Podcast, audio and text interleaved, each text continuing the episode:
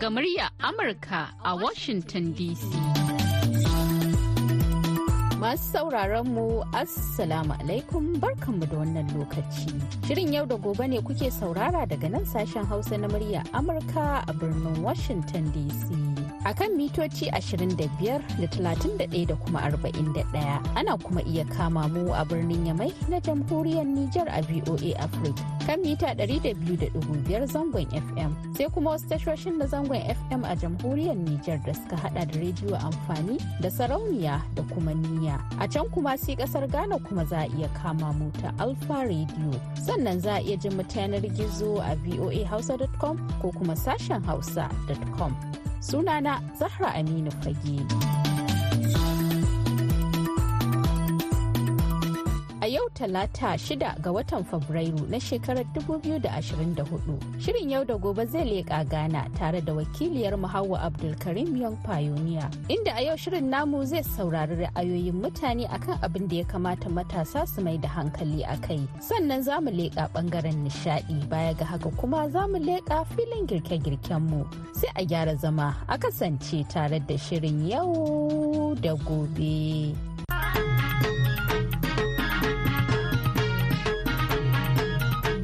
Jama'a masu sauraron mu barkanmu da sake kasancewa da ku. Kamar yadda kuka sani ni ce taku hawa abdulkarim yankwaniya wadda zan gabatar da shirin nan na yau da gobe a yau daga nan birnin accra ƙasar ghana. Yau shirin namu ya kumshi jin takaitacciyar tarihin shak na fari da irin tasiri da ya yi a rayuwar al'umma da ma yadda al'umma suka yi a nasa.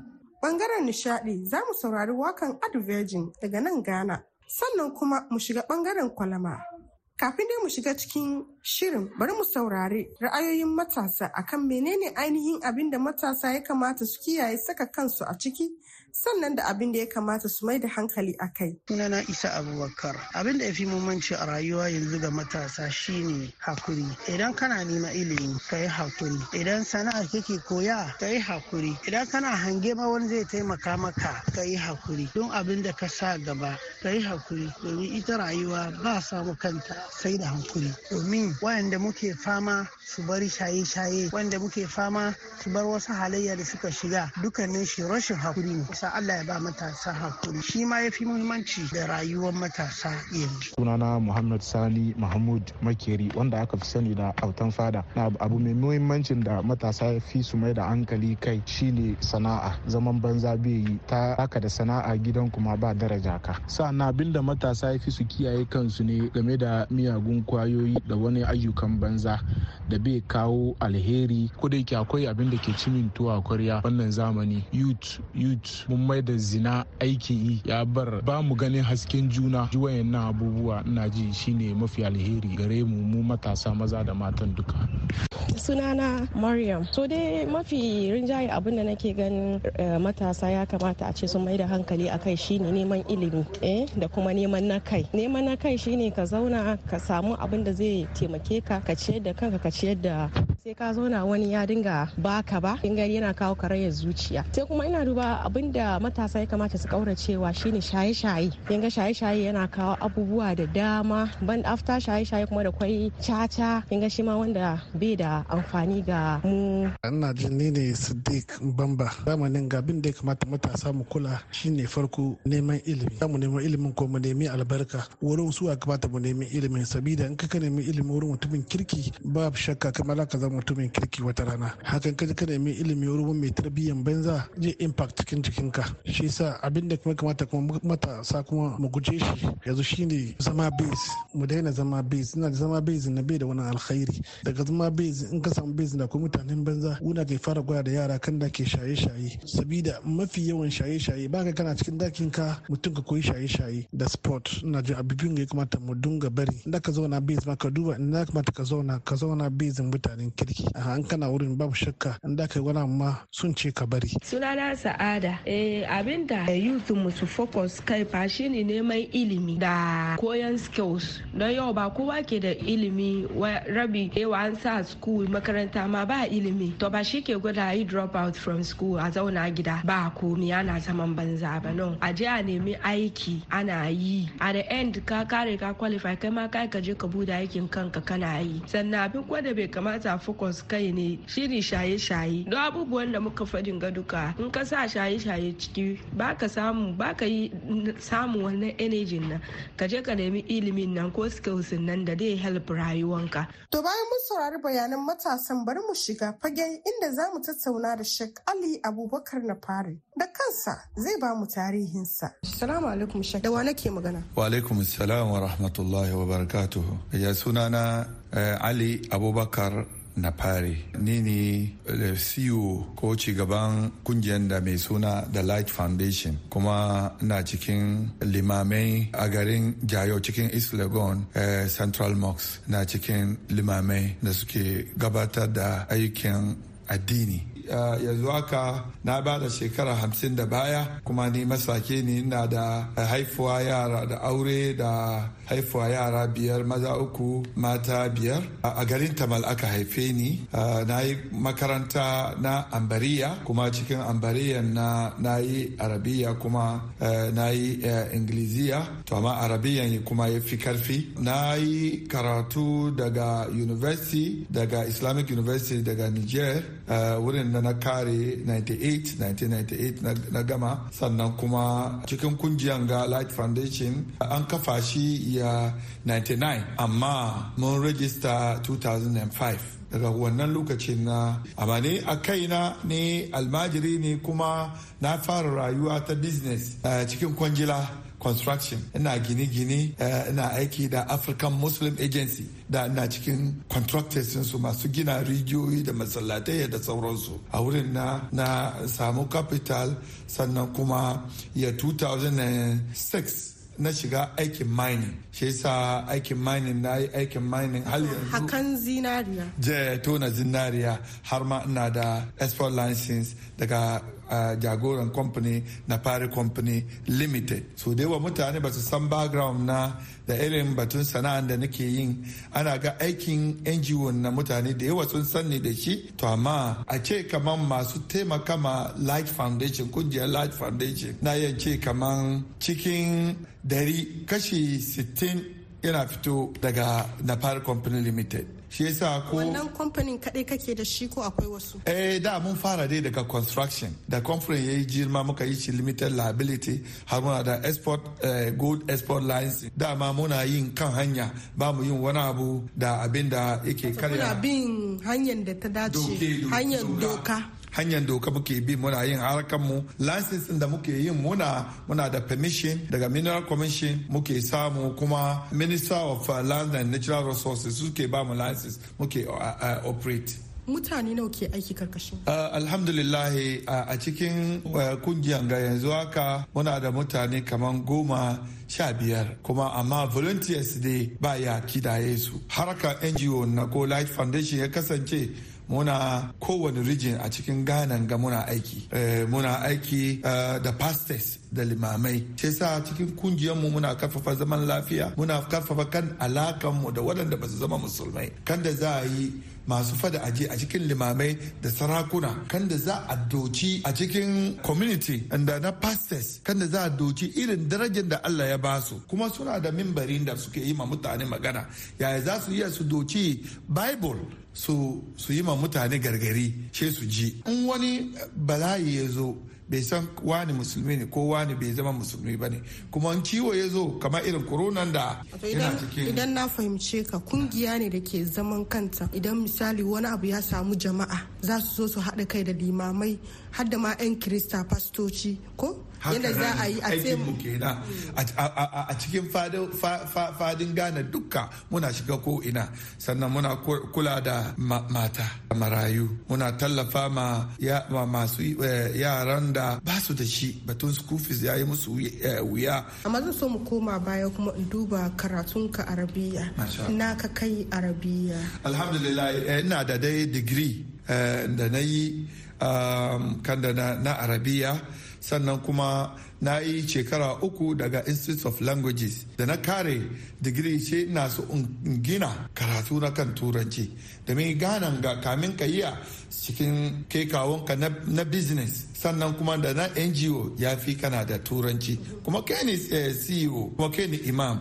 In ka duba ma cikin limamin da nake hotuba in ka zo ka ga na yin da halshe uku. Hausan nan da nake dabara da shi na yin halshen hausa in fassara da larabanci sannan kuma yi turanci. Saboda duk wanda yake saurare ya kuma ya samu ya ci amfani. Shi sa rayuwa na duka da na tashi daga tamale 98 na zauna accra. Shi sa yara na duka na haife su na yi aure daga accra. Ga yara na duka daga accra. ga kuma aikin ngo ga daga accra ga muka, muka kafa shi. Sannan kuma yanzu eh, shekarar na 2024 muna so eh, volta region da wa muna so mu buɗe eh, ofisi biyu wurin na shi cikin ghana mu samu ofisin fudu kan da za mu yi mu tallafa ma al'umma.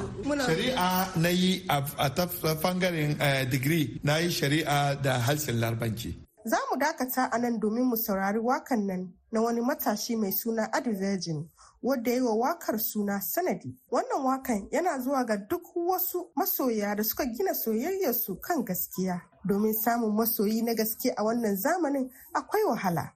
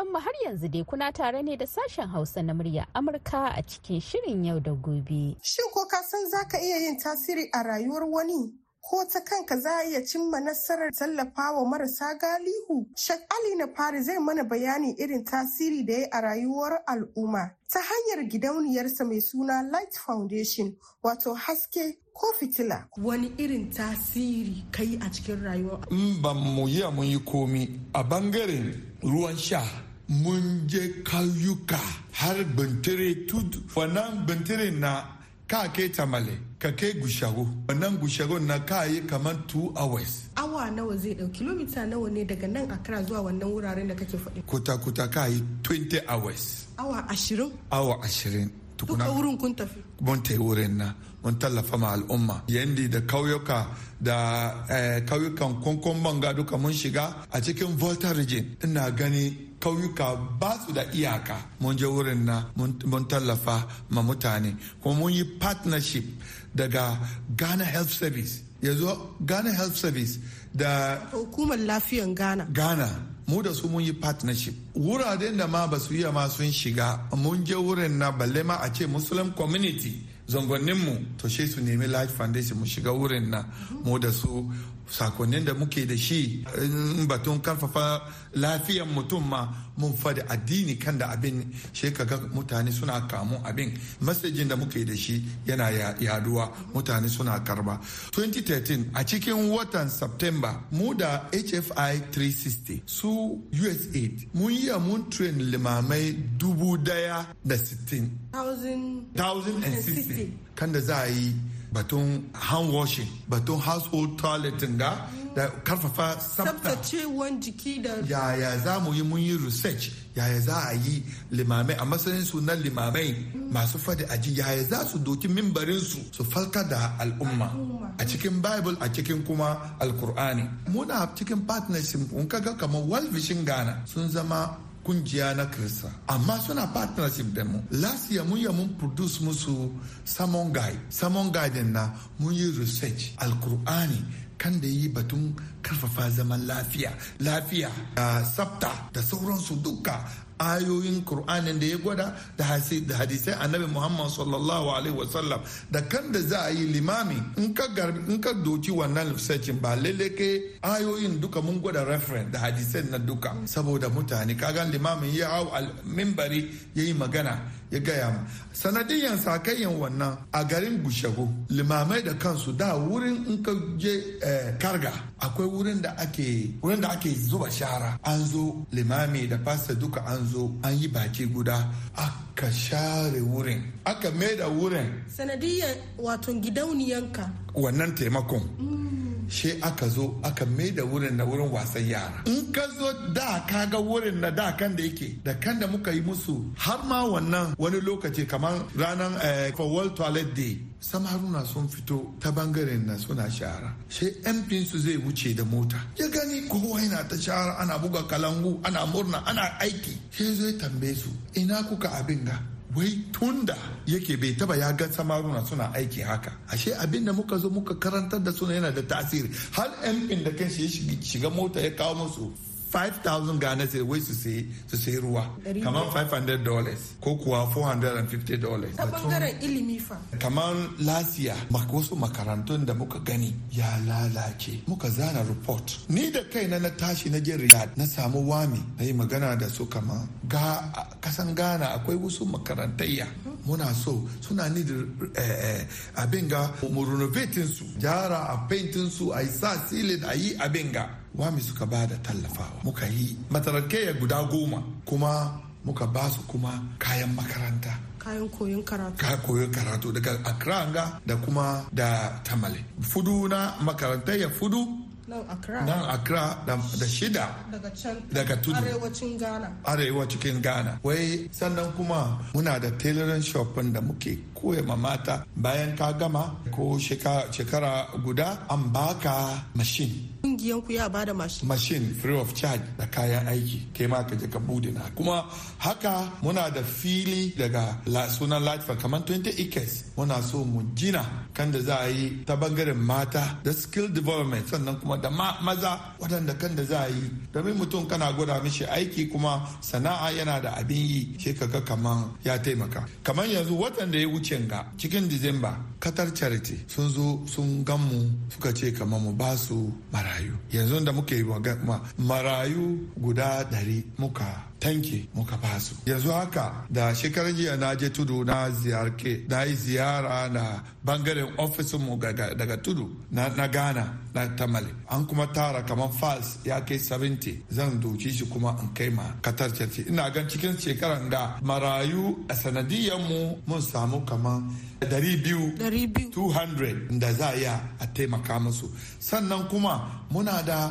zana report wannan marayu ne akwai iyayensu. Kan da za a yi su ma a ba su gudunmuwa kan da za a yi rayuwa a tallafa ma waɗanda ba su da shi. Wanda mazansu suka mutu suka ba su hakana ne. A nan da zan wannan taimako ba za mu iya mu yi shi mu kadai ba. Akwai partners. Da ke tallafawa. Da ke tallafa da sun ga aiki mai kyau. Unicef suna ciki. Sannan global community su ma usa ɓangare suna taimaka muna. Sannan kuma undp mu da su an zo an ce kamar garin ga plastic waste. Mutane kamar yanzu haka da muna yusin za a rufe abinci a ce ganyen itake ake use. Yanzu haka plastic waste da aka yi hadari shi ka gan ya ci gotes shi yana cause muna flooding. Yaya za a yi a samu alternative? Shi yasa UNDP sun ba mu aiki muna yi. Sannan kuma HFI 360 su ma sun taimaka muna. A nan zan zan gode ma Salam Charity mu da su mun yi collaboration. Kara biyu ko zuwa uku mun gina rijiyoyi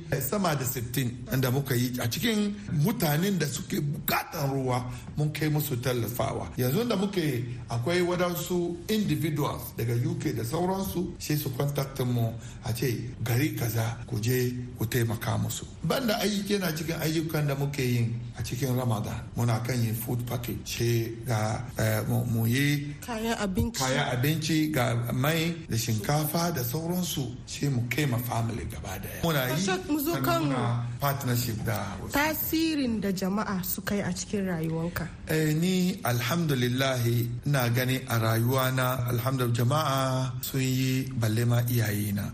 Ina duba da zan je karatu. Farko na je karatu daga mauritania. Ma'ana ta doci kasanta ta sayar ta ce karɓi kuɗin ga kate ka nemi ilimi. Shi na tashi. Daga nan ga dama lokacin banda passport. Shi na yi passport na ke ba ma firgi na shiri ba beirut na ta halbu ƙasar mauritania. beirut beirut shi yasa a cikin tafiya kana gani mutane da dama ka zo kuɗin kama ya kare kaga al'umma albarka cikin musulunci ana tallafa maka. Shi yasa waɗannan cikin tafiyan na samu hankali. Abin da ya sama da na samu hanya na yi karatu na ce insha Allah zan kafa kungiyan da zan tallafa ma al'umma. To madalla da fatan dai kuna jin daɗin shirin. Kafin mu karkare shirin namu za mu leƙa zauren girke-girken mu. Wayo Allah tuwo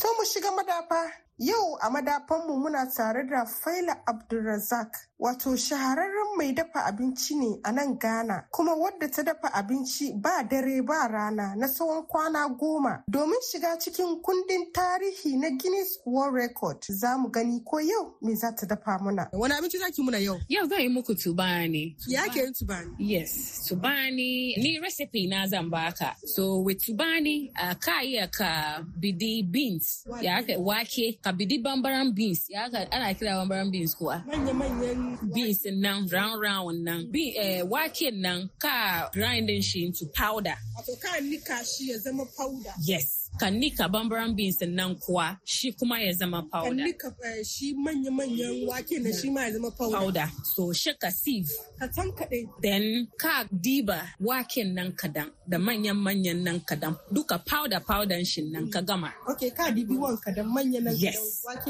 eh, ƙananan nan da kannikan nan ka Yes. gama. Yes, they are all very good proteins. So shi ka gama ka sa tankwa kadan. In kana da wani specific herbal spices, natural spices, ka iya ka gama Kayan yaji. yaji sa kadan kadan wa'inda ke kike cin gida ka feel kamar da yana da kyau ya baka. ok na fahimci nan. Kayan yajin da ke kika fi so yake gidan ke kisa? Period. Ka sa kadan kadan kadan kadan kadan ciki. Shi ka sa ruwa kadan da ka sa ruwa kadan na ka mix. In kana da hand mixer shi formal ne for caterers ya yi easy ya baka. Amma an baka da hand mixer nan kaya ka doki abin da muke doki muna yin eh, Muciya. Muciya kaya ka doki ka sa kafanka ka, ka, ka nika ka buga shi kamar yadda ake buga kose. That is it to ya kamata ya yi laushi laushi ya yi danko. so ka buga ka buga ka buga. But in ka buga aka nan nan in the smart way in the modern way ka iya ka bidi raba. White raban da muke eh, tuwo da shin nan ka iya ka bidi wannan roba. Shi ka diba quantity kadan ka sa shi ke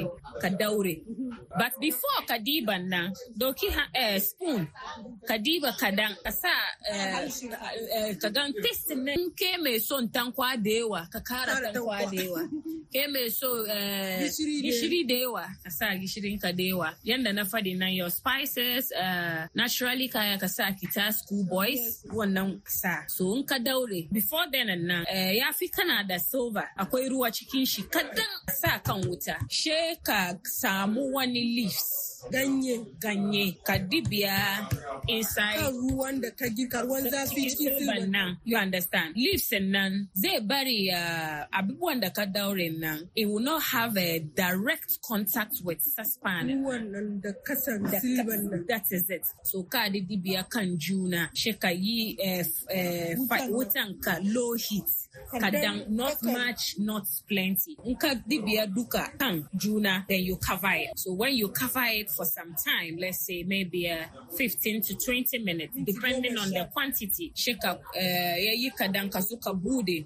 In ka bude ka gan kaman da da time da ka- za ka sa she na ruwa ruwa. Yanzu ya zo ya gama ya ka gamu gani. ya masu ya gamu ya mashe ka kara kaman 5 minutes to 8 to be sure that uh, chicken shin nan ya nuna da ya nuna da kyau. Shi ka doki guda ko ka off wutanka wutanka and I am sure at that time even with uh, ba ka samu ruwa cikin da yawa ma kuma. So you don't even need to pour the water. Ka juye ruwan nan. So shi ka cire ka doki plate.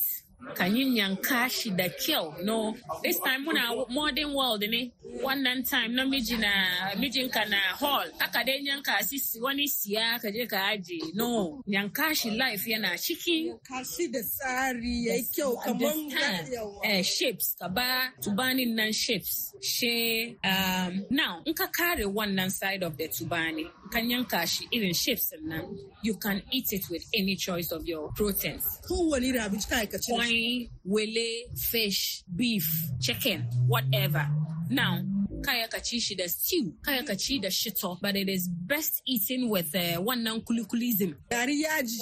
Yaji. Eh, muna da sorghum yes muna da sorghum muna da all those kinds of uh, yajin nan ne kayan yes, yaji. yes to to eat with it and then you'll be fine. In kana so ka je typical local to kaya ka je side and using a shea butter for it and then narka man kaɗe and then shea wooden and you have a total healthy meal to take with the shea butter. Na gode sosai. Ya sunan sunana madam sada madam sa'ada. To yau me za a dafa muna? Ok na mun dafa simple jollof rice da maybe in ka- in kamar na fito program ina son dai wani abin dafa mai gida na dai da yara na dai mu yi sauri sauri dai mu ci. Do is simple but is delicious. To me da mai mutum ya kamata ya nemi sannan ya yi wanga simple jollof? Ok simple jollof rice na muna need eh, any rice at all. Shinkafa eh, tin tomatoes mackerel albasa amu maggi eh, carrots and green pepper. Macro hausa ana kiran shi kifin gwangwani. Ko ba haka ba? Yes. To na ake farawa? Ok farko dai mun yanka al- albasan mu amon mu carrots mu green pepper mu da shi mu daka tanko mu. Ok shi mu girka mai mu muka girka mai na farko shi mu soya albasan mu shi mu kara amon mu soya. Amma wato tumatiri kenan yes tomatoes shi mu soya tomatoes na muka soya tomatoes na shi mu kawo tin tomatoes na mu kara. Mun soya shi ya kai minute nawa? Let's say like two minutes. Ya dai na riƙe. Don ni dai kadan dai damu dafa dai do yanzu ga na fitowa yake muka kare shi mu sa tankon da muka daka green one nan. Muka soya shi ma for like two minutes. Then we just add our mackerel muka add Kifin mackerel gwangwani. yes. Shi mu kara magin nan ciki. Isa muka kara magin nan ciki muka kara shi mu zuba carrots mu da green pepper mu. So for five minutes there shi mu kara ruwa. Muka kara ruwa shi mu add gishiri. Shi sa gishiri shi mu bar shi ya yi tafasa in ya yi tafasa shi mu sa shinkafa mu mu rufe. So let's leave it like 25 minutes. Lokacin na je na doki yaran na yi musu wanka kamin mu zo no food is ready to serve. Food is ready to serve. Wannan ake kira? Simple jollof. a sha tuwo. Masu sauraro da haka muka kawo ƙarshen shirin a wannan lokaci a madadin waɗanda kuka ji muryoyinsu musamman ma wakiliyar mu a Ghana Hauwa Abdulkarim yan Pioneer da wadda ta daidaita mana sauti wato Julie Leathers Gresham da dukkanin abokanan aiki da suka ba da gudunmawa a cikin wannan shirin. Ni Zahra Aminu Fage daga nan birnin Washington DC nake sallama da ku ku huta lafiya.